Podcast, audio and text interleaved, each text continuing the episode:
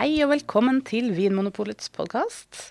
I studio i dag sitter Anna Stueland. Jeg heter Anne Engrav, og vi har med oss Knut Pedersen. Velkommen. Ja, takk, takk. Vi må altså tilbake til Chablis, Knut.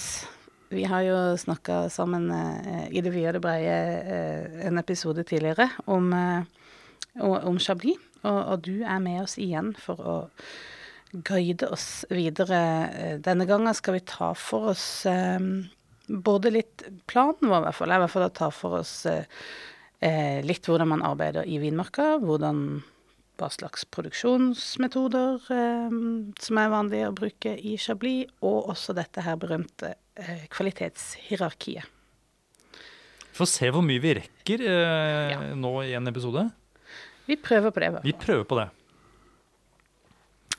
Tentativt. Er det ikke det, er det, ikke det man eh. Det er ofte det som det, de som på direktørnivå, i hvert fall i Vinpolet, snakker gjerne om det tentative. Og nå har jeg også sagt det. ja. Mm. Moving up. uh, ja, vi begynner med vitikulturen. Det er jo egentlig I, i forrige episode snakka vi om en del utfordringer i, i forhold til, uh, klima og geologi.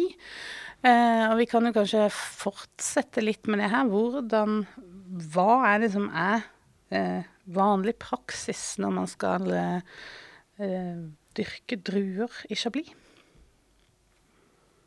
Slenger jeg ut Du dere. slenger det ut der, og der ligger det. Um, hva, hva må de tenke på? De må jo ha en vinplante Ja. som de kan henge druene på. Og det er bestemt i loven at det er chardonnay. Ja, fa ja faktisk. Så det kan du ikke velge. Eh, Men eh, det er jo ikke så enkelt. Man må, det er mye forskjellig plantemateriale å velge av, eh, selv om alt kalles chardonnay. Eller noen kaller det kanskje bon noir lokalt. nettopp. Det er det lokale navnet. Bon noir. Jaså, det hadde jeg ikke hørt. Ja, fordi man kan ikke bare Det fins ikke én, bare én plante, nei. Man kan velge forskjellig. Ja, og man kan jo dele planten opp i i hvert fall to. Ja, Over og under jorda. Ja. Over, over underplante. Eh, ja, og den nederste delen, da er det du tenker på da, er rotstokken, regner jeg med, Knut? ja, Ja. det var jo Anne som kom med det. Hun er jo eh, dyrker selv med egne planter. Ja, Hvilken rotstokk har du på dine Riesling-planter i Kristiansand, eh, Anne? Jeg har faktisk samme som er ganske vanlig å bruke i Chablis, som er den som kalles SO4. Det er ikke en sånn eh, romantisk navn, egentlig. Men det er, det er dobbelt så mye svovel, eller? Siden det er SO4 og ikke SO2. Eh, Ja, Det høres ut som en sånn kjemisk formel. Ja. SO4. Mm. Jeg vet ikke hva de bokstavene og tallene står for, men, men det er i hvert fall en, en plante som er bra for tidlig modning. Så den hjelper eh, druer å produsere mer sukker raskere. Og den takler en høy pH i jorda. Eh, altså det er ikke sur jord. Det er motsatt. Det er motsatt av sur jord. Faktisk, det er basisk. Det var det eh, Sørlandet var kjent for før, var det ikke det? At det var så mye sur nedbør. jo, det er Men nå er det bra, så nå Jeg tok faktisk en jordprøve og fant ut at det var eh, la, eh, se, eh, høy pH. Jeg blander de. Ja, og da er det gjerne mye kalk da, ja. i, i jordsmonn som har høy pH, og det er det jo mye av i, i Chablis. Mm. Veldig mye kalk. Så da er det en fordel med den rotstokken som da heter SO4, som du har. Mm. Eh, Men det fins andre også som tolererer mye kalk. Ja. Eh, Den eh, som er minst like kjent, eh, 41B. Det høres ut som en halvveis gateadresse. For ikke snakke om eh, 161-49. Det Kan, kan ikke være snill å finne på noe litt mer sexy navn på disse rotstokkene? Ja, Hva skjer uh, i forhold til det å velge feil rotstokk, da? Nei, det vil vel egentlig bare jeg, jeg Vokser ikke planten? Jo, jeg, de vokser jo, men jeg, jeg antar du ser det på at noen prosesser går raskere og seinere. Så, Så da er man ute etter å finne det materialet som gir den eh, riktige kombinasjonen for det målet man ønsker å, ja, å oppnå. At du Ja. har liksom lagt forholdene til rette. Så hvis det er f.eks. Holde tunga rett i munnen. Hvis det er høy eh, pH, så kan det jo ha noe med næringsopptak og sånn å gjøre også. Ja, for det er, altså, En del planter som da vokser i kalkriktig jordsmonn, kan eh, lide av det som heter chlorisis. ja. eh, i eh, Midlife chlorisis. ja. Som, eh, eh, du kan av og til se dem altså det er, De får en litt, sånn, litt lysgulgrønn farge på bladene. Eh, det går utover eh, altså rett og slett klorofyllproduksjonen. Mm.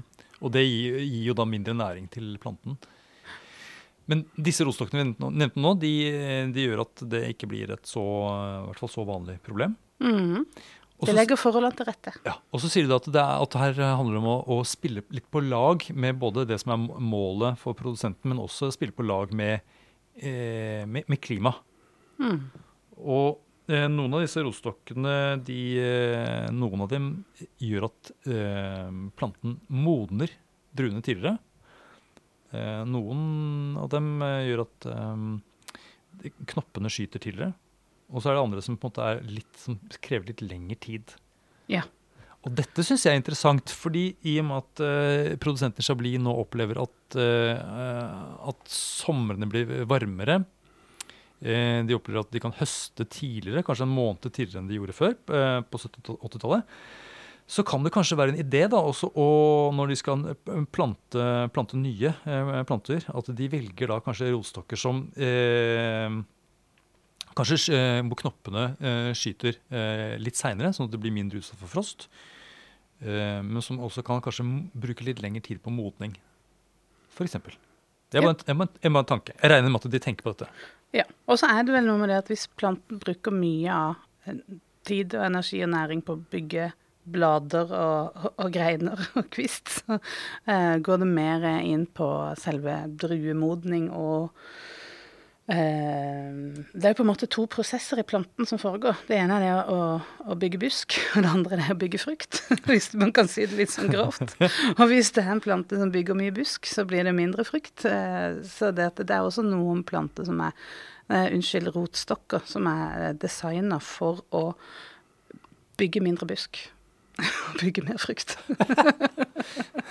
Ja, Og så kommer da valget på eh, Knut, eh, det som da skal på en måte være vinplantens eh, overkropp. Eh, kan vi si. Det, som, det man da ser eh, Det er den delen av planten man ser over bakken. på en måte. Fordi eh, på rotstokken så poder man da eh, liksom den fruktbærende delen av planten. Eh, og da er det snakk om rene vinifeira-sorter. Ja, og, eh, og chardonnay, da. ja, samtidig som vi har vel også da hoppet over én ting når vi snakket om uh, dårlige tider i Chablis, så eh, er det jo også en tilpasning som er gjort pga. vinlyst. da. Ja, selvfølgelig. Nettopp. Dette med å bruke rotstokker, selvfølgelig. Ja. Det var jo derfor det begynte. Ja. Mm, det er et viktig poeng. Godt poeng. Ja, men hvilke valg har du da, Knut, når det kommer til denne uh, vinplantens uh, overkropp? De må, de må jo velge chardonnay, Ja, men spørsmålet er fins det bare én type chardonnay? det eh, vil jo eh, være varierende svar der, sikkert. eh, Men eh, det er jo eh, forskjellig eh, plantemateriale som eh, gjør at man kan sikte seg inn på større produksjon, eh, mindre produksjon, eh, høyere kvalitet, men mindre produksjon. eh, eh, Sykdomsresistens av forskjellige typer.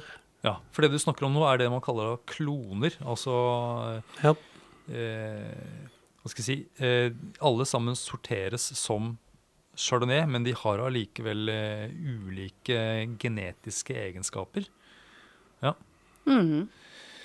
Der tror jeg eh, mye arbeid egentlig settes inn uten at det er en del av den historien som blir fortalt.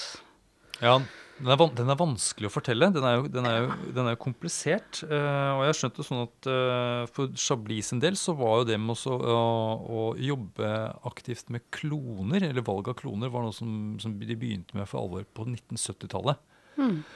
Og så kom det da eh, en periode hvor man liksom ble veldig klar over at det var at man kunne få så mye positiv effekt ut av å velge riktig klone. Og så, og så ender da mange produsenter opp med å kanskje velge mellom to til fire kloner da, Mm. eh, for sine vinmarker.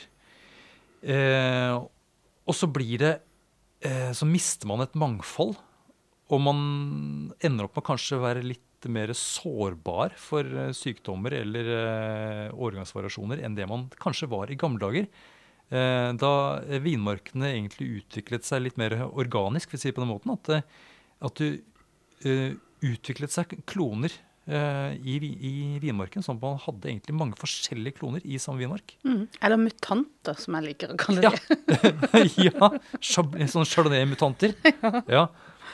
Eh, og sånn som jeg har forstått det, så er jo det noe som er på vei tilbake. Det å så eh, liksom eh, ønske i hvert fall en mye eh, større variasjon blant klonene, eller mutantene, da, i, eh, i vinmarkene. Mm. Stemmer ikke det, Knut? Jo da, man eh, leter vel etter eh, forskjellige metoder for å forbedre kvaliteten. eh, og ser vi da, tilbake på historien hvor det å velge plantemateriale hvor man med erfaring ser at man får en ønsket kvalitet, så velger man å plante den videre. Og man ser at noen planter takler det miljøet bedre enn andre, så vil det jo være logisk å prøve å videreføre de beste kvalitetene, det man er, eh, har som mål, Mm. i stedet for å bare kjøpe alt rått, som uh, selger av plantemateriale sier. Men det det snakkes veldig lite om, er jo det eh, at det kanskje kan ha en effekt på hvordan vinen smaker. uh, Dette med valg av, av klon. Jeg, jeg mener jo at den eneste gangen som jeg har, eller det jeg har et sånn bevisst forhold til når det gjelder kloner og hvordan man kan smake det, det er egentlig Det handler egentlig ikke om Chablis, men det er altså eh, pinot noir fra Tyskland. Der mener jeg at man kan nesten smake den jobben de har gjort Nesten. Jeg mener man kan smake den jobben man har gjort med utskiftningene av klonene på pinot noir. Og at den derre tyske syltetøysfrukten som jeg forbandt med uh, pinot noir fra Tyskland før, nå er blitt mer sånn hm, Er ikke dette burgund, kanskje? og er litt sånn lettere og kjøligere i frukten. At det, det tilskriver jeg kloner. Det er min egen teori. Ja. Åpner jeg jo en helt ny dør her, men eh, Denne aromaen av sånn syltede erdbær. ja. Ja. Mm, ja. Det, jeg, jeg er litt fascinert av eh, dette med, med, med valg av klon og sånt nå. At det er litt sånn underkommunisert. eh. Man snakker gjerne om på en måte jordsmonnet, at det er det som preger vinen. eh, Men jeg, ja, jeg tenker at det må jo eh, Klon må jo ha noe å si i det også. ja. Har du noe bevisst forhold til det, Knut? Eller øh, tenker du at det er Jeg vet ikke, hva tenker du om det? Jeg tenker at jeg, jeg, har, jeg har ikke vært veldig opptatt av det. Jeg har prøvd å lese litt om det og sett på navn og sånn, men syns jo eh, det dreier seg mye om å, å velge ut plantemateriale i, hos topprodusenter som da eh, har vist seg å gi eh, vinkvalitet som anses som eh, å ende opp som noen av de beste i verden. Eh, og mye av eh, de Plant, mye av det plantematerialet er jo da eh, ikke noe som har noe bestemt navn. Mm, er ikke sant? Så, eh, og så, så er det jo eh, Den måten å jobbe på kan man si er gammel, men samtidig så er det jo da nytt å være bevisst på det igjen, da. Så man har ikke så mange års erfaring, og det tar jo lang tid å se resultatene av det med vindyrking siden eh, eh, ja, det som oftest er en sammenheng mellom gamle vinstokker og høy kvalitet. Og, og så er det, så er det sånn det valget hvor mange vinplanter skal man ha i, Ja. i, i vinmarken. Eh, og, der har det vært sånn som fra gamle dager så var det nedpå sånn 5000 per hektar. Og nå er det noen som er oppe i 9000, kanskje mer. Jo, passerer 10 000, ja. Ja, passerer 10 000, ja. Eh, Ja. En, en dobling egentlig i antall planter på, på samme areal. Er ikke det jo en sånn trend man ser eh, jevnt over, at man tetter vinmarkene veldig? Jo, det er litt eh, Jeg liksom tenker litt I Chablis så bruker du jo en del eh, maskiner, og det, da gjør det at da må du ha en, en viss avstand, i hvert fall mellom radene. Men den positive effekten, hva er det da? Av, av, altså det er jo mer arbeid, det koster jo mer. Koster jo mer. Plantene koster jo. Ja, Eh, man gjør, man gjør det jo for noen ting. Ja, det er vel rett og slett eh, eh, Er det Senker det avkastninga, men du får høyere per plante, men du får høyere kvalitet i druene? Jeg, altså, jeg, Ja, det, Ja. Sånn som jeg har skjønt det, så er det å, å stresse plantenes liv, liksom, som resulterer i bedre fruktkvalitet når de da ikke kan uh, få det såpass trangt at de ikke kan uh, vokse for mye i retning mer busk, som det ble sagt tidligere. Ja. Så de må konsentrere seg om å, å ja, få frem uh, god frukt. mm.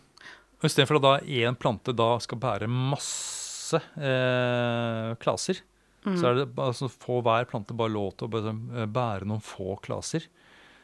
Altså, kanskje det er tanken at man da, da på en måte konsentreres alle godsakene inn i de få druene. Og Så er så er det sånn at man tvinger også da en plante som eh, vokser eh, tett. Den, eh, røttene blir også stående tett.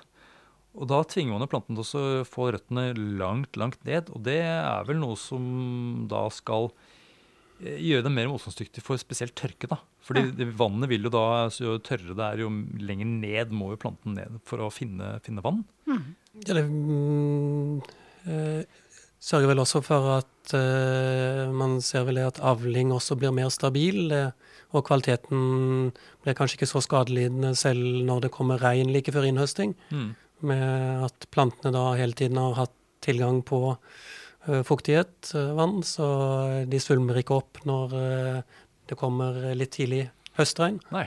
Nettopp. Nettopp. Og så er det oppbinding. Det finnes jo mange måter å, liksom, å binde opp vinplanten. Ja. Eh, og Det, da, her er det jo mange grunner til hvorfor man binder opp, men en del av det er jo bare rett og slett praktiske årsaker òg. At man skal få organisert planten. Det er jo egentlig en eh, slyngplante, holdt jeg på å si. Som ligger og ja, men den får ikke lov til å vokse helt fritt. Den, Absolutt nei. Absolutt ikke. Eh, og da er det, sånn som jeg har forstått det, da, enkel guillot og dobbel guillot som er da, som de to vanligste oppbindingsmetodene i Chablis. Og her må dere fortelle litt hvordan dette ser ut, fordi eh, dere har jo vært i Chablis. Det er jo egentlig en, eh, en oppbinding som er eh, ganske vanlig. Den, er, den brukes mye. Um, den er arbeidskrevende på den måten at du må ha et menneske som går og klipper hver eneste plante. Du kan ikke bare sende en maskin inn som gjør jobben. Så den eh, er krevende, men du har stammen som står hele tida fra planten er planta. Og så har du én grein fra fjoråret som legges eh, Vannrett. Vannrett. Jeg må ikke begynne med begreper. Vannrett. og fra den eh, fjorårets grein så vokser det da eh, Alt årets vekst vokser oppover. ja. Da ligger skuddene liksom på denne fjorårsgreina Ja. klare. Som da bindes fast til eh, f.eks. en tråd av et eller annet materiale. ja. Ja. Sånn at de vokser opp i høyden. Og det er da en enkel guyot. Det er en enkel gear. Og så har man da den doble guyoten, da har man to sånne greiner fra fjoråret Yes. som skuddene kommer eh, opp fra. Ja. Og fordelen med det uh, i, i Chablis f.eks. er jo det at hvis frosten tar denne ene greinen, det er jo der du har satsa alt, har du satsa på den ene greinen fra fjoråret, hvis du har en enkel. Hvis den frosten tar den, ødelegger den eh, fjorårets grein, så har du liksom ikke noe mer igjen. Men hvis du har dobbel GH, så har du to å spille på. Mm. Jeg opplevde nettopp det i år, faktisk, i min vinmark i Kristiansand. At veldig mange av eh, fjorårets eh, greiner som jeg hadde spart og satsa hele avlinga på, har blitt ødelagt. Nei. Men hva kommer det av da? Er den ene grenen eh, lavere enn den andre? Jeg vet ikke. Jeg- Det, er de klør bundet meg. opp på samme høyde, eller er det en uh, som går uh, lavere ut enn den andre Og som den er doble? høyere? Ja. uh, Ja, det, det, det går jo egentlig bare hver sin vei. ja, du hadde ikke noe forskjellig høyde på det? Nei. Nei. Så det er jo samme høyde, men eh, motsatt retning. Så um, Ja. kan jo være høyere eh, sånn i forhold til at du står i en skråning, men eh, Men marginene kan være små når det gjelder frost. Ja. Eh, både med, med tid og temperatur, egentlig. Ja. Så det kan være det er det som er utslagsgivende. ja. mm.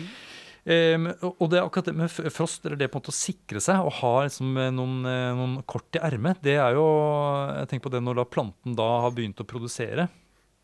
Så har jeg skjønt det sånn at um, en del produsenter i, i Chablis de, de har liksom eh, krisene litt i bakhodet når de, når de beskjærer planten, eller de på en måte fjerner eventuelt eh, for mye eh, druer som er i ferd med å komme. De, de, venter litt, ser litt an. Eh, for å på en måte, sånn at eh, Hvis det kommer hagl eller skader, noe, så har de eh, noen reserver. på en måte. Mm. De kutter ikke liksom, ned til et minimum. de, liksom, de sparer gjerne litt frukt.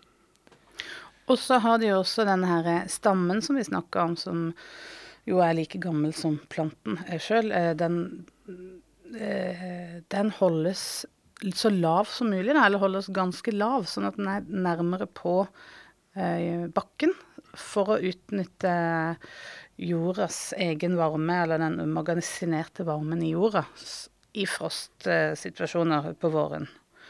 Eh, at det kan være bra. Eh, og også, som vi snakka om, at det handler jo også om modning. At på sommeren så vil jo da det også være varme som magasineres, som kan hjelpe til med modninga. Ja, nettopp. sånn at det høyere, Du nevnte noen sånne italienske oppbindingsmetoder, eh, Knut, i stad. Ja, hvor vinranker bindes opp i trær, ja. og man må ha lange stiger for ja. å komme opp til dem. Og det er jo varmere klima, så der på en måte er det sånn at man nesten ønsker å liksom forsinke modningen litt. Men i Chablis gjør man det motsatt. Der uh, har man liksom en lavere oppbinding for å få uh, en bedre modning. Og så nevnte du noe med det med, det med fuktighet. At det er altså sola hva var det sa for noe, Knut? Jo, nei det, det er mye høye vinranker vil jo da skygge mer for solen. Og det blir jo som en skog hvor man ofte ser at eh, fuktigheten holder seg lenge når solstrålene ikke kommer inn. Da blir det fuktig nede ved bakken. Så eh, selv om man da planter tett, så vil man jo da at solen skal kunne komme til bakken, sånn at det er avstand mellom radene med vinstokker. Så med dette eh, lyse jordsmonnet så blir det jo ja, ikke så lett magasinert varme, men allikevel eh, det holder seg mer varme. Og det reflekteres lys som gjør at det tørker opp raskere. Mm. Mm. Vil ha, de vil rett og slett ha sola eh, litt mer ned på bakken eh, i Chablis? Jeg tenker ja. at de ønsker det, ja. Mm. mm. Kan det ha en effekt på det med, altså med, med en sånn råte smitte, altså smitte, smittetrykk. Ja, eh, at det at, at, det er litt eh, ikke for høy oppbinding. Det er jo også lettere å beskjære og holde det luftig rundt uh, drueklassene som etter hvert dannes, så man unngår uh, så forhold til i varmere områder, som, hvor man kanskje da uh, driver med canopy management på en måte som gjør altså hvordan man beskjærer løvverk hvor man vil ha skygge for glasene, mm. hvor det gjerne er veldig tørt, hvor det, man driver kanskje med kunstig vanning, så uh, har man alltid vært mer redd for mugg og råte, så man vil ha det luftig. Og det har vel også, når man snakker om druemateriale, ofte vært foretrukket å velge plantemateriale som gir drueklaser som ikke har for tette druer, så det ikke så lett blir mugg mellom druene. Ja. ja hanging loose. Ja, hanging loose. Ja, ja liksom god lufting. ja. Uh, så det er hvit i kultur. Er det noe annet som vi Ja, det er det med altså, økologisk eh, dyrking. Eh, det er at EU-regelverket det deler jo opp det med økologisk produksjon, hvor du har på en måte selve mm, dyrkingen, og så har du jo det som skjer i vinkjelleren etterpå. det er jo ikke det letteste området å drive økologisk jordbruk. Chablis, er det det? Det er jo ikke det. Det er jo både Det er ikke noen høy, høye fjell som tar av for uh, nedbør vestfra, som uh, f.eks. i Alsace. Eller nå sa jeg høye fjell, kan, man kan, kan, kalle det høye åser, men i Alsace går jo toppene opp i 1400 meters høyde. Mens det er ikke noen uh, ordentlig høye topper som man også har i Norge, hvor man da nedbøren kommer over Vestlandet og det er tørt på Østlandet. Mm. I hvert fall pleier det å være sånn. Ja. Nei, så, dette, så, Selv om jeg snakket om at det kan være litt sånn tørre sommer, og sånt, så er det allikevel ikke tørt nok. og måte, Det er ikke trygt nok for å, at alle liksom satser helt og fullt på, på, økologisk drift. Men det er en del, og det er jo, andelen øker jo. Eh, Jeg har lest at det ligger på sånn omtrent 7% av vinmarkene i Chablis nå er klassifisert som økologisk. Man har jo også historisk hatt dårlige erfaringer med å tro at man kan få eh, både pose og sekk med å tilføre eh, jorden mye ting, med, som også da har ødelagt for naturlig friskhet i vindene. Mm. oh, ja. ja for, eh, hvordan da? Sånn syrenivå, rett og slett. Ja, at man har brukt eh, gjødsel kun, kunstig produsert, altså midler i gjødsel, eller hva man skal si, jordforbedringsmidler som eh, fabrikantene kaller det, som da eh, lovet at man da kunne få flott kvalitet og, og stor produksjon, eh, hvor eh, mye av distriktene i Nord-Frankrike da erfarte at, at det gikk utover eh, pH-verdien, at de fikk mindre syrerike viner.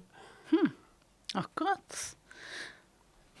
ja. Det er litt interessant. Men ja, hvor, har vi noe prosentantall på hvor mye økologisk drift du er i Bli, Kan vi Ja, 7 Å, takk!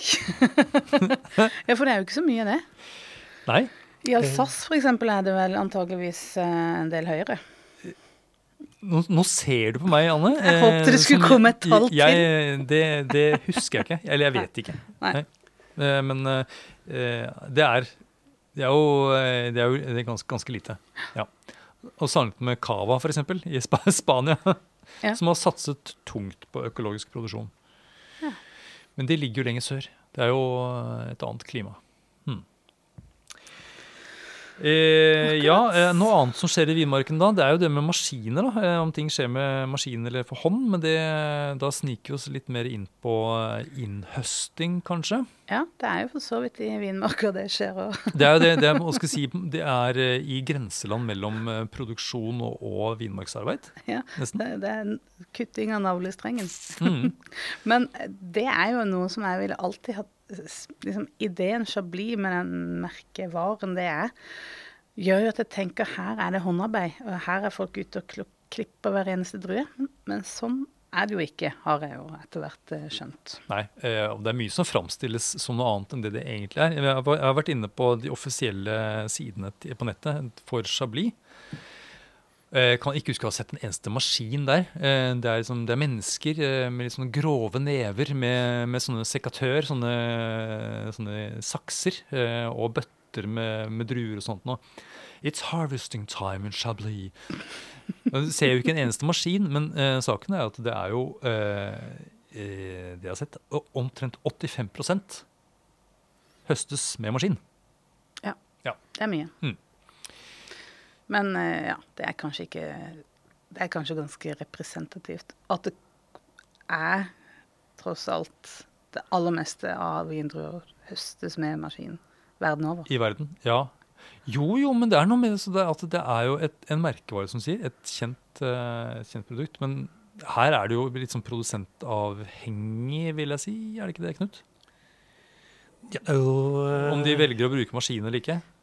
Ja, det er jo litt eh, filosofi bak det, og, og bastante meninger om det, og at det skal være 100% sånn hos noen, for å da kunne eh, bære det frem det rette budskapet. Uh, Ja, du tenker at det er, at det er mer en sånn uh, er det noe image også? mytologi eller ja, image rett og slett ja. å, å de, kunne fortelle de rette tingene til uh, vinjournalistene eller bloggerne og, og de vininteresserte. Så, så gjør man forskjellige ting i, i firmaene med at det som skal være toppkvaliteten, bruker man mer ressurser på og plukker for hånd. Mens man da jo også kan høste veldig god avling eh, eh, ved å maskinplukke, ved å være nøye med sortering etter at druene er plukket. Ja, så Ja. du er ikke så romantisk når det gjelder dette her, skjønner jeg. Du tenker at, eh, eller, eller er det sånn at du har smakt viner som du vet har vært maskininnhøsta, og tenkt at dette her er topp kvalitet? Det har jeg gjort, ja. Ja. ja. Men uh, Ja, da, da skyldes det jo ofte sortering etterpå, og det er jo ikke så veldig romantisk eh, å være drueplukker, stort sett. Det er jo regnet som veldig hardt arbeid. Og ja, Jeg har gjort Ja. det. ja, Fikk vondt i ryggen. ja, på, nettopp. Ja, nei, jeg også Nei, det var litt eh, hyggelig. skjønt at det, er, at det er krevende.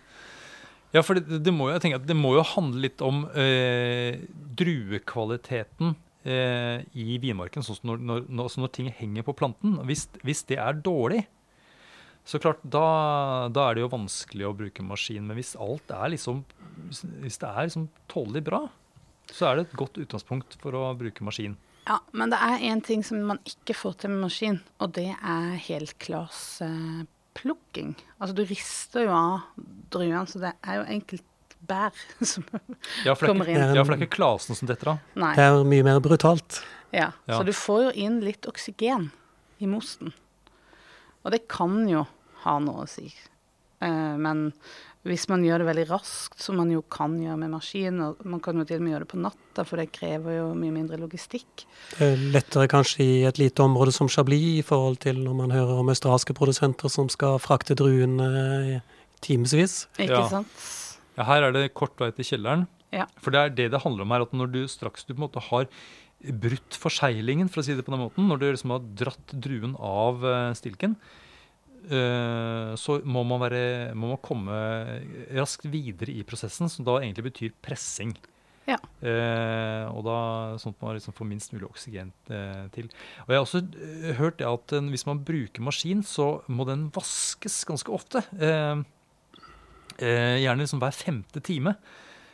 Fordi altså den, der, den, den safta, eh, som inneholder mye sukker, selvfølgelig, eh, den, eh, den blir, liksom blir klissete og ligger inni maskinen. Og da etter hvert så Vil vel det oksidere også? Nettopp, de vil oksidere. Og det tiltrekker seg liksom, insekter, insekter eddiksyrebakterier. Altså du på en måte har det gående altså etter ikke så mange timer. Nettopp. Ja, så det er noe som de må selvfølgelig altså det, det har jeg ikke tenkt på. Man må, det må være rask og man må være hygienisk. Ryddig og, ryddig og ren. Ja, Vi får jo håpe at de som plukker, plukker for hånd, eh, er litt mer hygieniske og, og sånn. Ja, men de og vasker hendene når de skal spise lunsj og sånn, sånn at det i hvert fall eh, ikke går fem timer da. men også når man snakker om håndplukking, så snakker man også om å ta eh, klase for klase i Chablis. ikke sant? Ja. Det er ikke sånn at man går ut og plukker drue for drue. Nei, Nei, det er det ikke. Um, ja, men og da er det sånn at i Grand Cru så er det jo um, mye mer vanlig å høste på hånd, ikke sant? Men det er lov å høste med maskin. Mm. Eh, egentlig i, i, alle nivåene i, eh, i Chablis. Men jeg, jeg, sier som Knut, jeg har jo heller ikke sett noen som har skrevet stolt på nettsida. Vi høster kun Mas med maskin. 100 maskinhøster. Ja, det, det, er ikke den samme historien. Men det er det noen produsenter som gjør. Altså ja. at Ikke som skriver det på nettsiden, men som, men som konsekvent bruker maskin. Mm. Og, og, det, det, og, og, det, bra med maskinen altså det er jo det går jo raskt. Mm. Eh, og, og, nå som kanskje dette eh, vinduet der druene går fra å være liksom nesten modne til å være overmodne, det kan gå ganske kjapt nå med litt sånn varmere, varmere klima, så haster det å få de druene inn. Og bare tenk på hvor mange mennesker man trenger. Ja. Altså det her å få tak i disse Hvor mange mennesker trenger man? Eh, til å plukke en drue? Nei, ja, jeg, fant, jeg, fant, den nemlig. Eh, okay. Ti, hektar? Ja. Eh, ti, eh, ti, hektar. 30 personer. Ja. Mm. Så da kunne vi plukket én hektar? Ja. Det er jo eh, Det kunne vi jo. Men det er jo, tenker, det, man trenger en del folk, da. Og de skal, som, de skal flyttes rundt og ha lunsj og ja. ja det skal jo det. Mens en maskin bare pff, kjører innom. Ja. Dere har sett maskiner som, uh, som høster på, i Vinmarken? Ja. ja. Så hele raden står og rister. Det ser jo brutalt ut. Ja. Men etter hvert som uh, Chablis blir dyrere og dyrere, så vil det vel kanskje også gå an å bruke uh, avansert sånn sorteringsutstyr, maskiner som leser av mostverdier og sorterer ut ifra det, som man jo ser er i bruk i andre distrikter hvor prisene er høyere. Ja. Mm.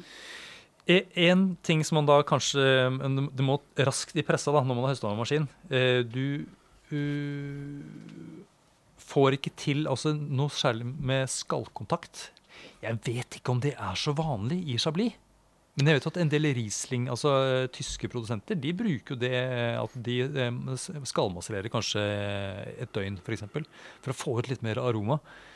Men det er vel kanskje ikke det som er idealet Chablis? Nei. Få ut denne. Samtidig så ser jeg jo at produsenter uh, forteller at, uh, og har hørt det, at de har litt kaldmaserasjon uh, først. Ja. Før gjæringen settes i gang. Nettopp. Og da har jeg skjønt at da er det en fordel at du har håndplukka, faktisk. Mm. Og så er det noen vinmarker som er så bratte at du får, altså det å kjøre maskin der, det er ikke eh, mulig. Nei. Nei. Selv i Chablis er det så bratt. ja. Mm. Ja. Uh, ja. Man or machine. Man or der, machine. altså. Eh, så er vi videre, da. Da har vi fått eh, pressa mosten vår. Vi står jo nå igjen da med en eh, hel haug med druemost.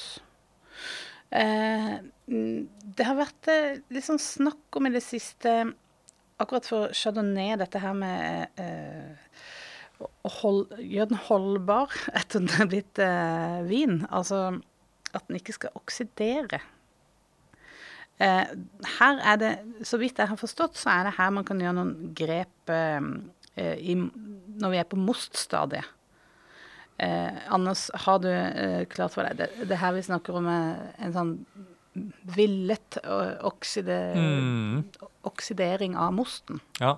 Eh, I moderne vinmaking så har man det sånn, eh, erfart og skjønt det at eh, oksygen er på en måte fienden. Eh, som man liksom hindrer oksygen å komme til egentlig i alle mest, eller i hvert fall mest mulig kontrollert da, i, gjennom hele prosessen.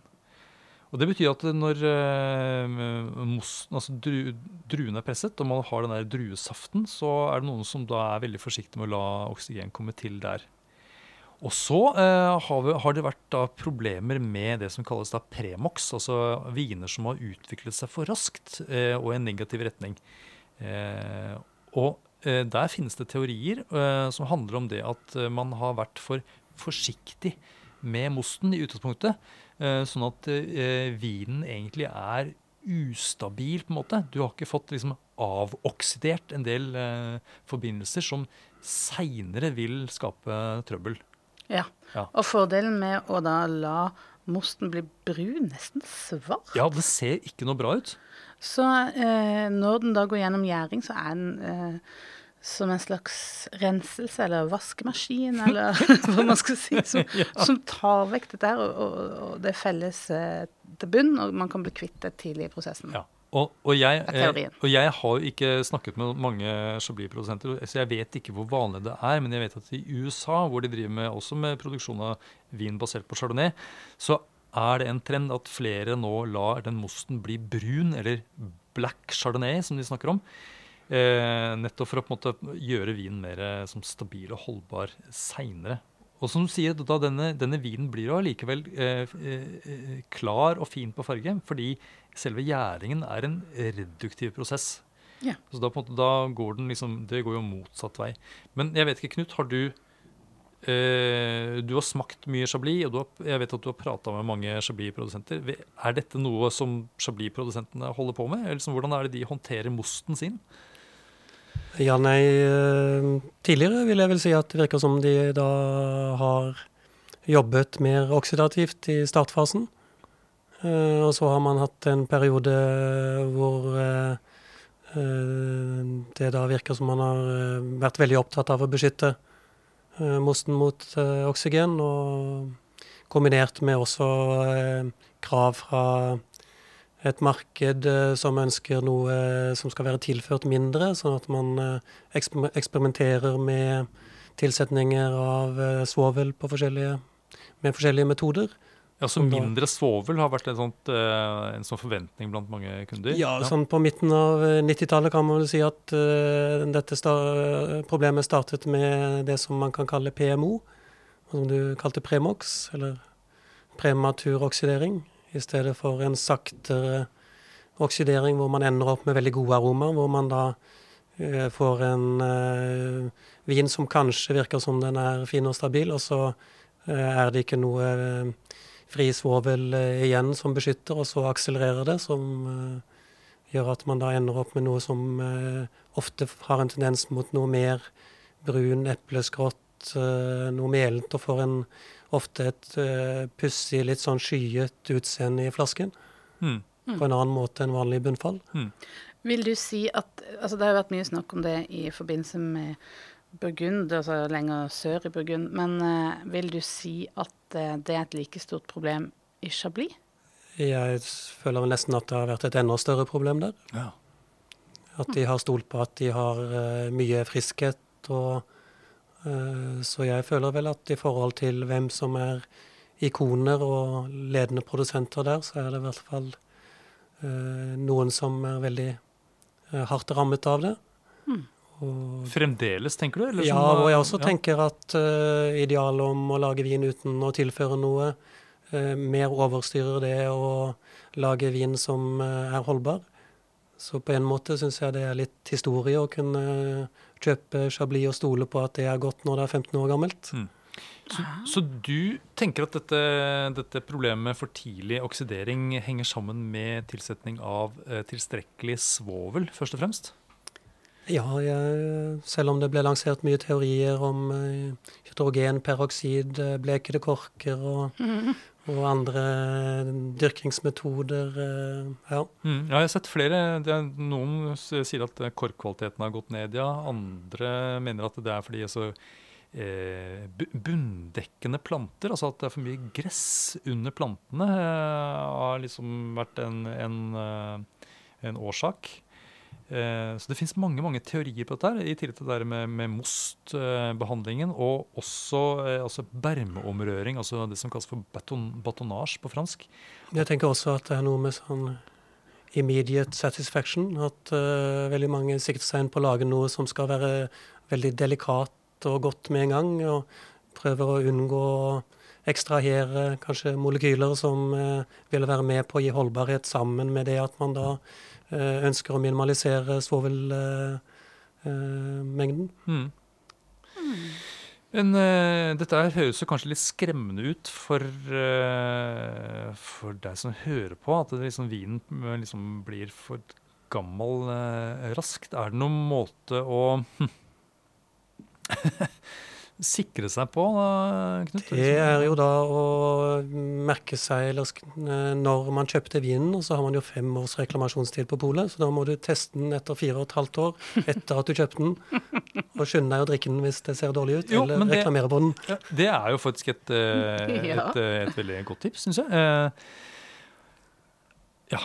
Ja, men det er, det er kult. Ingen, eh, du oppfordrer ikke noen å lagre chablisen sin lenger enn fire og et halvt år? Man bør i hvert fall teste, teste den. Um, jo, man bør følge godt med og vite Ja. hva man driver med. Mm, mm. mm. Vi kan jo snakke litt mer om akkurat det med, med lagring av chablis eh, etter hvert.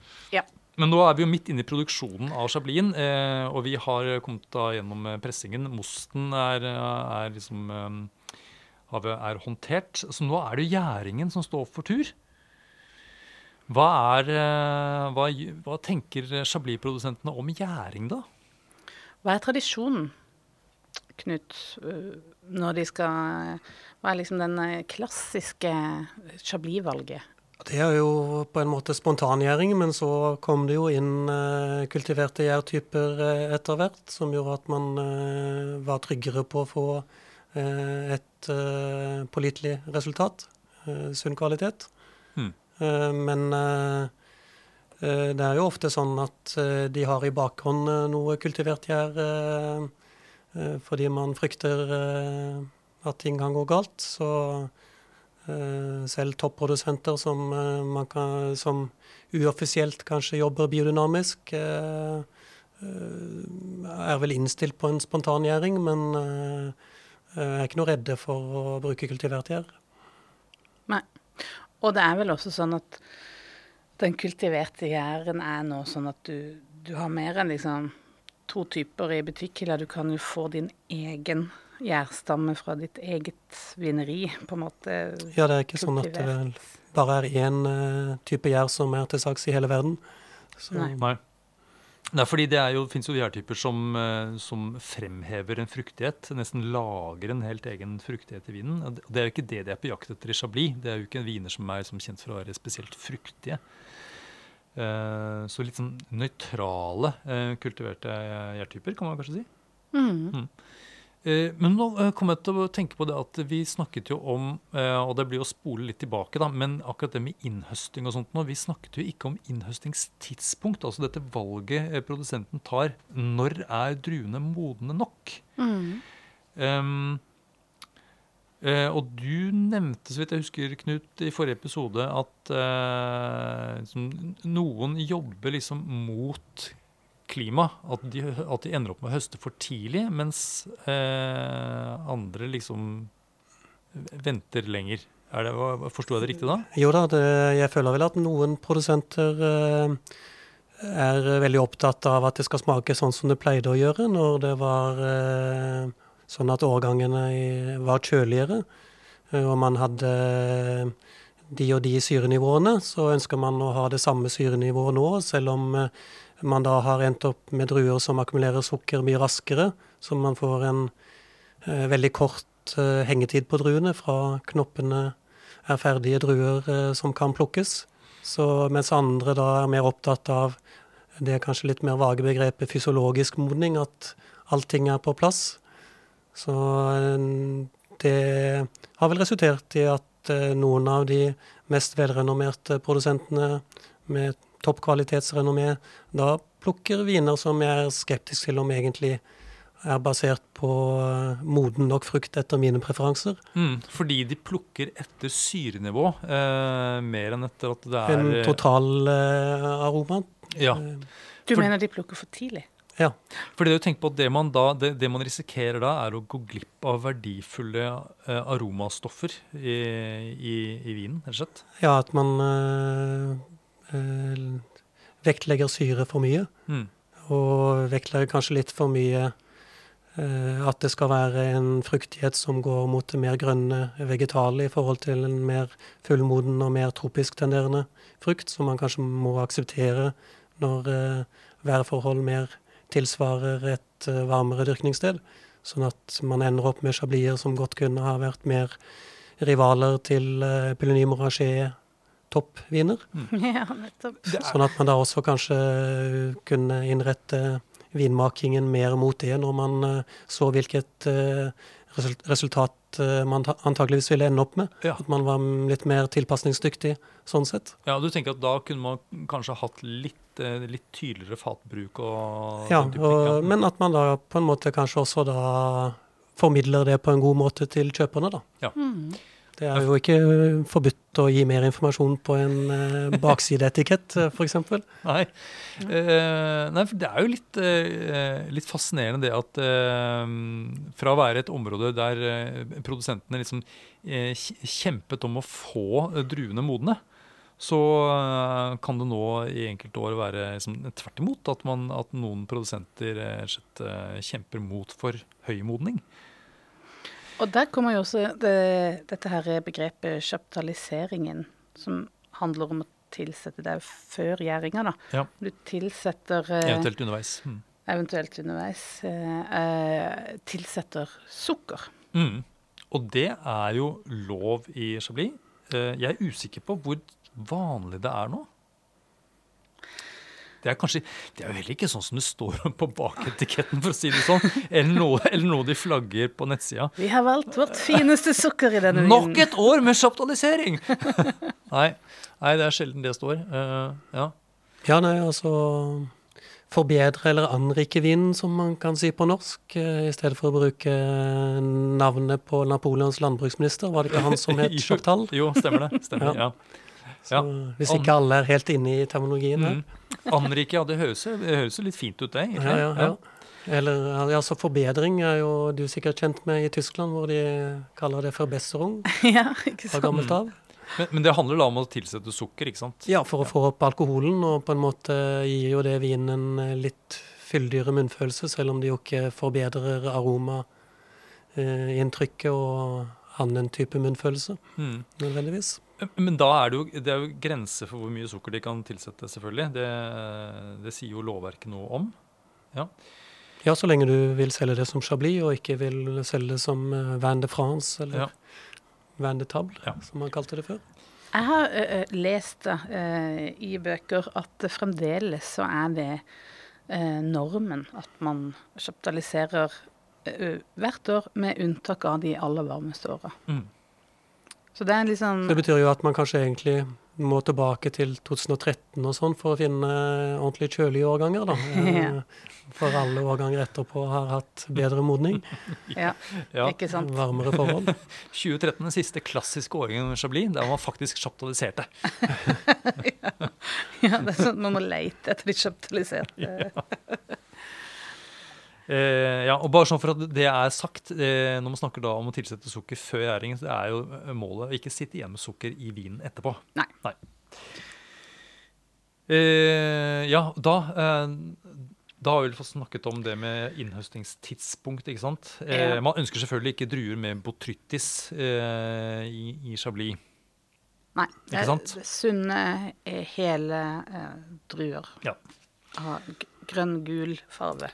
Ja, men eh, det er jo eh, også eh, viner som da har et preg av botrytis. når jeg har vært på besøk hos det som mange regner som den beste produsenten i området, den som har enerstatusen. Ja. Da vet alle hvem jeg egentlig snakker om, uten at jeg sier noen navn. Ja. så var det en kollega av meg som ymtet frempå om at denne vinen smaker vel litt av botrytis. Så da gikk eh, faren eh, bak i kulissen, og litt etterpå så kom han tilbake med en vin. og Uten at det ble sagt så mye, så ble den skjenket i, i glassene etter hvert. Og da kom det jo frem at det skulle være et eksempel på en vin som var tydelig preget av botrytis. Ja, eh, med vilje, holdt jeg på å si. Ja, fra en produsent som jo da sies å bruke det, ja. Eh, som da, men som da hadde valgt å plukke botrytiserte druer. til Ja, og årgangsforholdene gjorde sitt til at det ble botrytis på de, Ja, og aksepterte og, og aksepterte det fremfor å plukke for lite modne druer. Mm, mm. Jeg syns det hørtes litt godt ut. Ja, det var jo faktisk Ja, eh, ja. eh, Men vi tre noe som bidrar, bidrar til en annen type kompleksitet. Nå er vi på en måte Men vi, dette var jo tørr vin, det er Ja. ikke søt nei, nei, nei. botrytisert vin. Men der, der vet jeg at folk er veldig veldig uh, ulike og, og uenige om akkurat måten man kan tillate potetis. Men vi tre, Jeg tror nok vi eh, jeg tror vi er generelt litt positive til potetis, er vi ikke det? Ja, jeg er i hvert fall det. Ja, jeg også er egentlig jeg det. skal, I come, I'm coming out. Yes. Prøver å eh, ikke være for utelukkende. Nei, nei, nei. nei, nei. Eh, vi er for et fargerikt fellesskap. Uh, mm, Ja, også, Vi er fremdeles egentlig på gjæringsstadiet. vi er egentlig det. Vi Eh, har eh, bestemt oss for å eh, gå spontangjæra, eh, Ja. eventuelt Og- med en liten hjelp. Og det, og det har blitt vanligere med spontangjæring. Ja.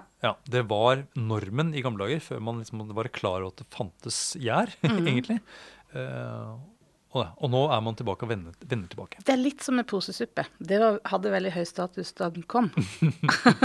og man valgte bare sånn Nei, jeg skal i hvert fall ikke ha den hjemmelagde suppa der, når man kan få den flotte posesuppa. Og nå er vi tilbake igjen på Ja, ja. Men eh, eh, Ja, det var litt forenkla, men dere skjønner hva jeg mener. Men man kan også velge altså selve beholderen som man gjærer i. Fat eller ståltank. Hva er forskjellen, eh, Knut, på resultatet i vinen? Man har jo erfart at eh, det å bruke fat, som jo da var det man eh, måtte bruke før eh, ståltanker ble tilgjengelig, ga en fin, moderat kontrollert oksygenkontakt. Pluss at det også tilfører litt aromaer, varierende etter hvor mye ny eik som brukes. Det er vel også aromaer eh, som blir annerledes med fatgjæring versus å da bare bruke fat til lagringen etterpå. Mm. Og kombinere da en mer nøytral beholder eller en helt nøytral beholder først. Eh, Kan du si litt mer om det? Fordi jeg, jeg tror mange tenker det at det å tilføre fat seinere i prosessen vil gi eh, mindre fat, men det er nesten tvert imot, er det ikke? Jo, det er vel eh, f.eks. Eh, noe som fort kan oppfattes som vulgært, som kommer fra nyeik. Eh, vanilin, eller altså vaniljearoma. Eh, noen viner lurer jeg på om jo da er tilført vanilin fra celluloseindustrien. Hvor det blir så markant og tydelig, og det er jo noe som sånn infantilt sett virker tiltrekkende på unger, vel, at når noe lukter mye vanilje.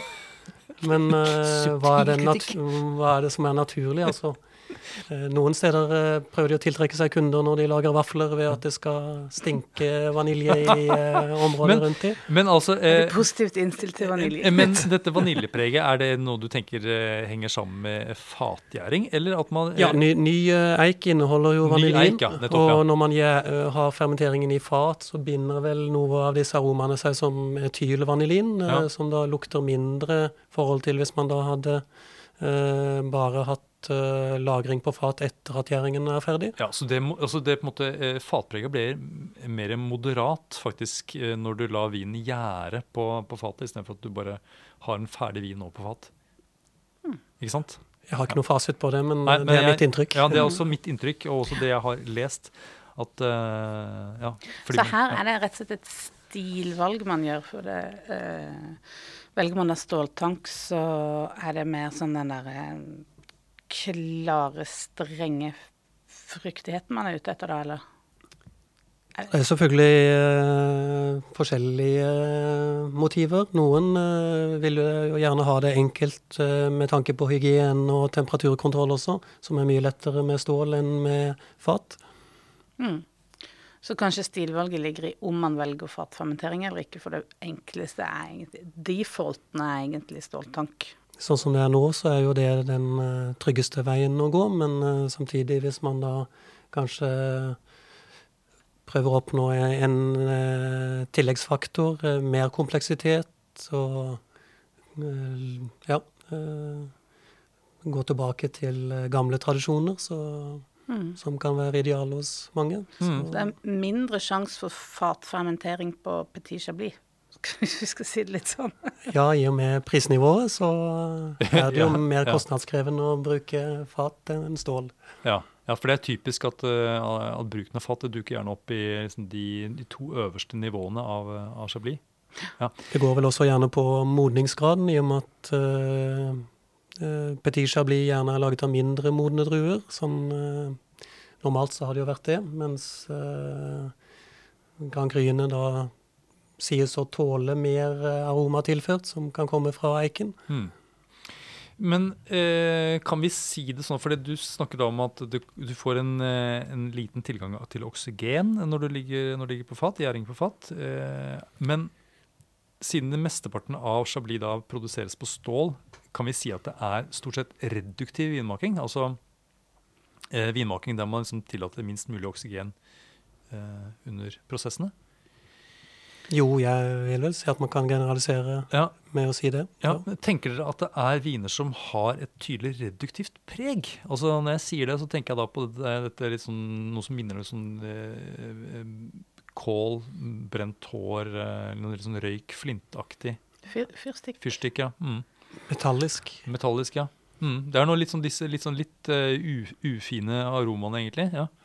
Men i små doser så kan det være Ja. det som gir Hm, er dette eh, Hva heter det? Exorgia virgula Nei, Exogyra virgula. exurgira virgula. ja, denne lille østersen som ligger i jordsmonnet. Mm. ja. Ja. Eh, ja, det er jo Ja, litt sånn eh, Sjøvann kan jo ha litt sånn metallisk Ja. lukt også. Ikke sant? Fordi eh, Fiskeskinn. ja. Nå er jo kanskje sånn markante reduktive aromaer er ikke noe som dukker opp så ofte i hvitvin som i en del rødvin, eh, er min erfaring. Men det er jo ikke sånn altså, vi, har, vi har smakt eh, litt uh, Chablis blindt sammen, vi nå, eh, for uh, en måneds tid siden. Sammen med noen andre viner også. Og så har jeg også prøvd en eh, Chablis mot amerikansk chardonnay og australsk chardonnay og newzealandsk chardonnay sammen med en annen eh, gjeng eh, før det.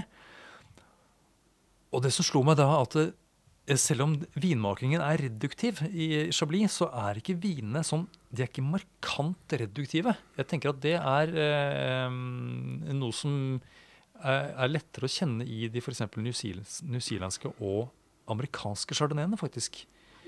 Eh, at de liksom nesten eh, ønsker et sånn tydeligere preg, nesten, av det derre fyrstikk-flintaktige. Jeg hadde jo tenkt at uh, chablisene var uh, klart mer reduktive for uh, ja, 25-30 år siden. Ah, ja, nettopp. Og hvordan, ja, hvordan Og da snakket vi jo litt om svovel og um, mer rikholdig tilførsel av det for noen minutter siden. ja. Mhm. Så du tenker at det henger litt sammen med det, ja? Ja. Å oh ja, at på grunn av at de lavere Ja, og også det at det i større grad blir brukt mindre modent råstoff, som jo da blir eh, mer eh, mot det grønne vegetale. Mm. Og det er jo interessant, fordi det med modning og næringstilgang, spesielt når det gjelder nitrogen, eh, som fører til liksom gjærstress, og gjærstress igjen fører jo til disse svovelforbindelsene som er liksom mm, årsaken til mange av disse reduktive aromaene. Ja. At modningen i Chablis nå, som da, de som da høster mer modne druer, kanskje ikke ender opp med så hva skal jeg si, reduktive viner. Ja. Men jeg har jo diskutert med deg før, Anders, eh, og hørt deg si at det eh, vi snakker om mineral, mineralitet i Chablis, egentlig er reduktivitet. Mm. ja. Det det er en påstand. ja. Det, er, det, er min, det er min teori, eh, Ja. og jeg har jo sett at den har dukket opp andre steder òg. Mm. Ja, men eh, og, jeg tenker at det jeg, jeg, jeg tenker fremdeles det. Men at det da har, kan ha en sammenheng med jordsmonnet på den måten at uh, det handler om måte, hvilke uh, næringsstoffer druene ender opp med å ha. Men at det ikke er en sånn direkte Det er ikke sånn at uh, disse stoffene i jordsmonnet tas opp av planten, fraktes ut i druene, eh, og at de liksom eh, fortsetter å være der eh, i, i sin form i den ferdige vinen. Eh, det Det tror jeg ikke noe på. Og det har det vel også vært forsket på, og kommet fram til at eh, det er ikke sånn at vinplanten suger opp sjøaroma. Nei. Er du litt, er du litt uenig? Knut? Nei, ikke sånn, men jeg tenker heller på uh, miljøet totalt sett. Uh, så jeg er heller litt mer mot at uh, det kan vel også skyldes små insekter, uh, bitte små, altså mikrobiologi. Mm. Med Som gir ting som beveger seg mellom jorden og opp på druene, utenpå skall og kommer med i prosessene. Akkurat som vi mennesker har masse mikrobiologi inn i munnen med masse bakterier og ting, så, så tenker jeg at det har kanskje noe med det å gjøre. Hva slags miljø man får med eh, hele floraen av eh, alt det vi ikke ser. Mm. Og det er en spennende tanke, og det er vel noe som man liksom har begynt å liksom, se litt mer på nå. akkurat det. Og kanskje legge det inn i dette terroir-begrepet også. At ikke det bare handler om eh, geologi, men at det handler om denne eh, mikrofloraen som finnes i, eh, i et sånt levende jordsmonn. Mm. Og at det også liksom blir tatt med videre inn i, inn i vinmakingen. Men for, for det er ikke sånn at du tenker at det er eh, støv fra jorda som på en måte ligger på druene, og så eh, kommer det inn i vinen på den måten. Det er ikke sånn, det er ikke sånn du tenker. Du tenker på bakterier og sopp Ja, jo, og og sånne ting kanskje også litt, men jeg tenker tanken på molekyler også som tas med, altså mm, som er bygget opp av hvor man da får en viss dominans av eh, visse ting Ja, som påvirker smaken, da. nettopp. Ja, men det, det, er, det er interessant. Det er, det er jo egentlig to, eh, to, to ulike teorier, men som ikke nødvendigvis utelukker hverandre. Vi kan jo på en måte, det kan være at begge deler Mm. Er i sving her, egentlig. Det tror jeg vi skal ta med oss inn i dette her kvalitetshierarkiet, som jeg tror blir faktisk en egen episode. Jeg tror nesten vi må gjøre det. Jo- Eh, Men jeg har lyst til å fortsette gjøre ferdig produksjonsmetodene her, da. Hva, Mm. eh, vi har jo altså nå fått gjært vinen ferdig. Ja. Gjæra vinen ferdig. Mm. Eh, og da har vi altså Mosten har blitt vin, eh, og vi har noen valg videre. Eh, dette denne her, eh, Hvis vi skal gå for den her klassiske sjablien, Knut, hva er det man velger å gjøre da i denne modningsfasen? Det som jo på en måte preger eh, det man smaker mest av, er vel at eh, all chablis stort sett lages eh, med malolaktisk gjæring. ja. Som er da den omdanninga av Eplesyre. til Til melkesyre. syre. Mm. Det er to begreper som jeg tenker Ja. meg veldig om. Malus er jo det italienske, nei ikke italiensk, men latinsk latinske ordet for altså eple. Ja. Malus. Ja. Lak, lak, laktik? Laktis? Laktus? Heter det laktus? Det tror jeg det gjør. Ja. så V- v- Nå skal jeg, nå skal jeg før jeg glemmer det, skal jeg bare si det. Laktus, altså me melk, eh, latin. Ja. Eh, hva er det engelske navnet på salat? Eh, lettuce. lettuce. Yes! Og det henger sammen med at eh, har det, altså, ruccola, altså de gamle, gamle salattypene, de hadde jo dette der sånn løv, når man brekker av en løvetann, vet du, det er Ja. melkeaktige. Ja. Nettopp. Så disse gamle salattypene de ga fra seg litt sånn melkeaktig. Derfor, eh, derfor lettus. Lactus. Yes. Mm. Vær så god. Det Kan du gå videre på ble veldig vanskelig å la være å tenke på det. Ser jeg bare for meg sånn der eh, melkesalater. Ja. Men eh, eh, Ja, hva skjer da? Altså, eh, Eplesyra blir omdannet til melkesyre av, eh, eh, av melkesyrebakterier. Mm. Ja, nei, og Det er jo ikke det som er hovedsyrene i vinen, det er jo det man kaller vinsyre. Eh, Og jo mer modne druene er, jo mindre eplesyre vil det være igjen. Men eh, i eh, Chablis så er det tross alt eh, gjerne eh, altså en del eplesyre. Mm. Selv om det ikke er som det vil være i enda kjøligere regioner eller med mindre moden frukt. Og selvfølgelig, og det, Så dette her er jo noe som også blir påvirket da av både eh, variasjonen i årgang, men også et varmere klima, men også dette med plukketidspunktet eller høstetidspunktet. En produsent som da velger eh, ordentlig godt modne druer, vil da ha druer hvor det er lavere nivåer av eplesyre. Sånn at det er mindre for melkesyrebakteriene å omdanne til melkesyre.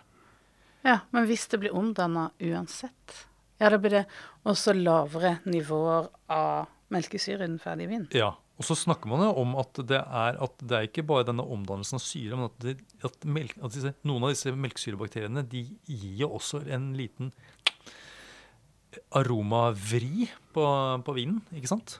Jo, jo da. Ja, Som gjerne beskrives som noe litt sånn litt melkeaktig. Ja. Melk, fløte. Ja, noe laktisk. Noe laktisk, ja. Men ja. kan dere smake det? Kan dere smake mal, på en måte, i vin? Jeg tror det, faktisk. Jo, ofte syns jeg jo man kan det, selv om man jo i en del tilfeller eh, ikke kan være sikker på om det er det det skyldes, om det er laktoner fra lagring på fat f.eks., eller om det er diacetyl Mm. som er dannet. Under gjæring, f.eks. for eksempel. Ja. Mm. Smøraroma? Ja. Mm. Eller batonnasje, eller altså bermeopprøringa. Mm. Ja. Ja, nei, det er flere ting som på en måte kan liksom gi dette fløteaktige preget, men eh, Ja. Nei, men eh, det er klart, eh, druer som da har lite eple, eplesyre, får jo da på en måte lite av den effekten av en sånn uh, malolaktisk gjæring, som man kaller det. Men jeg syns det er liksom på tag, altså det, det er liksom pussig at eh, når man er i, i Chablis, så er det veldig mye snakk om Malo, men de aller fleste gjør det jo. Mm. Så hva er Kan man ikke bare ta på prat om det, holdt jeg på å si? Det er jo veldig lite Nei, jeg vet ikke. Hvorfor er det et sånn viktig tema? Eh, sånn at andre steder er det jo ikke så vanlig. Eh, eh, Tyskland med Riesling, der er det jo ikke vanlig. Nei. Eh, og mm, jeg vet ikke om jeg fikk det med meg riktig, men jeg mener å ha sett at det på høyskolenivå vinønologiutdannelse i Østerrike knapt var på pensum før omtrent på 2000-tallet. Nei, ja, nettopp. Ja. Altså, det er en måte å liksom eh, markere en tradisjon, på en måte? Eller, at det er, eller er det bare sånn, er det noe som, er, noe som folk, mange vinfolk egentlig kjenner til som en del av prosessen? Ja. Sånn at det er noe det er lett å snakke om. Ja, det Eh, det er lett å snakke om fat, f.eks. Det er lett å snakke om stål. Eh, lett å snakke om Malo, og kanskje litt om valget av gjær også. Klo, eh, kloner, eh, rotstokker. Det, det, det er jo noe, man, noe man nå kontrollerer, og som man da kan fortelle om Ja. man har gjort eller ikke. Mens andre ting Mm. blir vanskeligere å forklare og mer eh, komplekst. Ja, og det, det er et godt poeng. Men også når du da sier kontrollere, er det da noen produsenter som velger å ikke la vin gå gjennom malolaktisk gjæring i Chablis? Det fins vel? Ja, det, jeg kjenner ikke til at det er noen som har det som uh, mer fast policy, men at det i visse årganger har vært gjort for å um, gi vinen mer friskhet. da. Mm. Veldig varme år og en måte å gjøre det på uten å tilføre syre. Reacidifisere. Ja. Så, så noen Siden har det er et ideal om å, hos mange å ikke tilføre noe. ja, Så det, er, det kan være en løsning, eller en del av en løsning for å få vin til å smake mer tradisjonelt chablis-aktig, rett og slett. Det er også å unngå maleraktisk gjæring. Ja. Men så har vi altså da eh, videre Må man også ta stilling til hva man gjør med disse restene etter gjæringa. Bunnfallet som faller ned av, bl.a. da gjærrester. Eh, og bunnfallslagring og batonasje er jo noe sånn eh, Batonasje er da omrøring av større kontakt mellom vinen og disse gjærrestene. Hvordan eh, Hva er det klassiske chablis-idealet her? Nei, 80-tallet var ikke det skulderputer og batonasje, holdt på å si? Ja, Ja, eller var jeg det tenker ikke 90-tallet? at det, det, er- det er litt for tidlig. Det var var heller... tidlig. Heller eh, slutten av 90-tallet, kanskje heller. For Og grunge Det og grunge. batonasje. rundt, grunge og batonasje. rundt årtusenskiftet. Batikk og batonasje. Ja, ja, den er fin. eh, også på det tidspunktet hvor da kanskje engelskspråklig eh, amerikanske vinjournalister dominerte mye av etterspørselen etter ting, hvor man da kanskje tilpasset eh, eh, produksjonsmetoder for å gjøre vinene fetere og eh, mer sjenerøse. Ja, for det, det er effekten av oss å, å drive denne, å røre om dette bunnfallet som da samler seg på, i bunnen av fatet. At man får en, en, en, en sånn kre, mer kremet munnfølelse. Um, som tyk, den virker tykkere, på en måte. Ja. Ja. Og, og så er det vel noe aromaer og Mm. Igjen dette fløteaktige, eller? Ja. Mm. Og der er det vel også noe med å lage stilforskjeller i eh, de ulike, liksom Ja, jeg tenker også kanskje at man får aromaer som er litt mer mot uh, hvetebakst eh, Ja. bakverk. Det, mm. Og jeg har en teori om at et sånt fint bermepreg i chardonnay kan minne litt om markjordbær. Ja vel. At det er nesten noe litt sånn Så blomstrete. Eller en sånn blanding av altså, jordbær med fløte. Mm. Mm. Det, er, det for meg er et sånt et fint bermepreg i, eh, i chablis. Mm. Men igjen mer vanlig, høyere kvalitet enn Mm. lavere Ja, og vanligere på 90-tallet enn det var nå. Eh, De, de, de rørte som gærninger på 90-tallet, og nå på en måte, nå lar de Altså, nå er det jo en del produsenter som jeg vet liksom gjør lite omrøring, men at de heller lar vinen ligge lenge på bunnfallet. For det er liksom en annen måte å gjøre Altså, du får jo ikke den samme effekten, selvfølgelig, men du kan få noen eh, du kan få en kompleksitet i vinen eh, med å la vinen ligge lenge på bunnfall. Noen produsenter lar jo vinen ligge i to-tre år før de tapper. Det er jo lenge. Da snakker vi sånn type sånn champagne Mm. eh, strekk på det hele. Da, for da, Det- da skjer det jo en, auto, en autolyse, at nedbrytningen av eh, gjærcellene kommer i gang. Og man, man får dette litt sånn kjeksaktige preget. Ja. Men i, i Chablis vil jeg jo si at det er mer unntaksmessig at, uh, At det er- at det er så lenge. veldig få som uh, trekker det ut så lenge.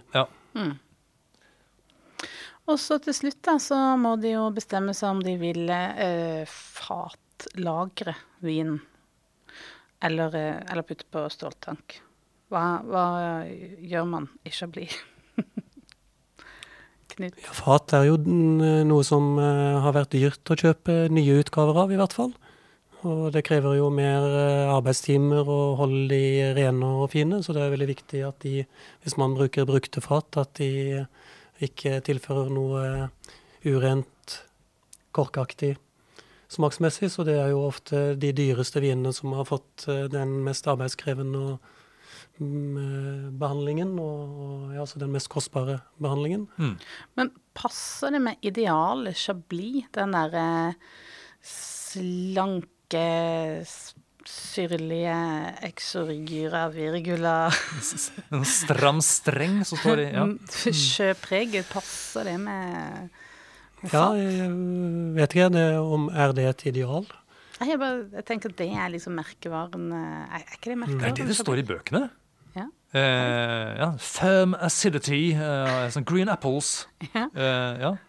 Ja, og Samtidig så, så er det jo gjerne ikke sånn beskrivelsen har vært på de, de vinene som har fått eh, toppvurderingene. De har jo da gjerne smakt rikere. Nettopp. Ikke de så strengt. sklir nesten over mot eh, en litt sånn eh, måteholden sentralburgunder, på en måte. Jo da, Ja. det er jo mange som eh, har vel slitt å skille en sånn eh, chablis Ja. eh, fra sentralburgundere av høyt kvalitetsnivå. Mm. På høyt kvalitetsnivå. For, for meg er jo nesten altså dette med valget av fat, eh, som Knut sier, at det, det gir jo lite mening å tappe eh, Altså å legge petit chablis på, på fat, fordi du får ikke eh, du får ikke dekket kostnadene, rett og slett. Fordi petit chablis er, selges billigere enn Grand Cru, f.eks. Så derfor så lar man Grand Cru-vinene ligge på, på fat. I hvert fall mye vanligere. Men det er jo også med på å etablere noen tradisjoner og en forventning i markedet. ikke sant? Som gjør at når du smaker en Grand Cru eh, Chablis, så forventer du nesten et lite hint av fat. Mens du ikke gjør det på en Petit Chablis. Ja. Ja, så Hvis man uh, ikke vil bomme så lett i blindsmaking, så er det jo lurt å ta utgangspunkt i det. Ja, helt, det er helt klart, vil jeg, vil jeg si, faktisk. Ja, det er sant, for Ja. det har vi hatt noen blindsmakinger. og det vi sånn, Ja, men det går jo an. og da har reglene vært ja, men hvis det ikke er vanlig, så er det ikke noen god idé å gjette på det. Nei. En, en Premier Kry har så å si heller aldri fat. Da er jo spørsmålet ja. Da, der er det vel ganske mange eksempler, vil jeg si, på okay. Premier Kryr med fat. Men uh, du skal slite mer med, med Petit Chablis på fat. Ja, og kommune finnes, kommune-chablis. Og, og kommune-chablis, der er det Ja, da, da står det kanskje gjerne at det er en Viei Vigne eller et annet vinmarksnavn på i tillegg. Da selges det ikke på samme måte like anonymt som bare Petit blir. Mm. Da prøver de å markedsføre med, det, med noen tilleggsbenevnelser. Og så- Og så er det det med som, eh, bruk av nye fat versus eh, brukte fat. ikke sant? Det er jo, selv om det er vanlig å bruke fat eh, for de litt dyre chablisene, så er det ikke sikkert at det smaker så mye fat. Eh, fordi det kan være eh, brukt, stort sett brukte fat. Eh, og så er det jo en del produsenter som blander. At de både har eh, vin eh, som har ligget på stål, og vin som har ligget på fat, som du da blander sammen og, og Ja. tapper som en vin. Ja, det Det er jo det er, det er nesten en Det er veldig vanlig, er det ikke det? Jo da. Ja. Ja. Og da står det igjen oppført som sånn prosenttall. 30 Ja. nye fat, eksempel. For eksempel. Altså, vi, vi kommer ikke lenger. Jeg har, jeg prøvd å liksom innlede med at vi skulle komme mye Mm. lenger, men jeg tror vi må bare rett og slett uh, dele det opp og, og ta en episode til. Det er for mye å prate om. Men vinen er jo nå i hvert fall laget. Ja. Uh, det er jo Så neste episode, da, da går vi inn i, i disse her. Går mer grundig inn på dette her eh, kvalitetshierarkiet vårt. Takk for at du hører på Vinmonopolets podkast. Har du forslag til et tema i podkasten? Send mail til podkast at vinmonopolet.no. I tillegg svarer kundesenteret deg på e-post, chat og telefon.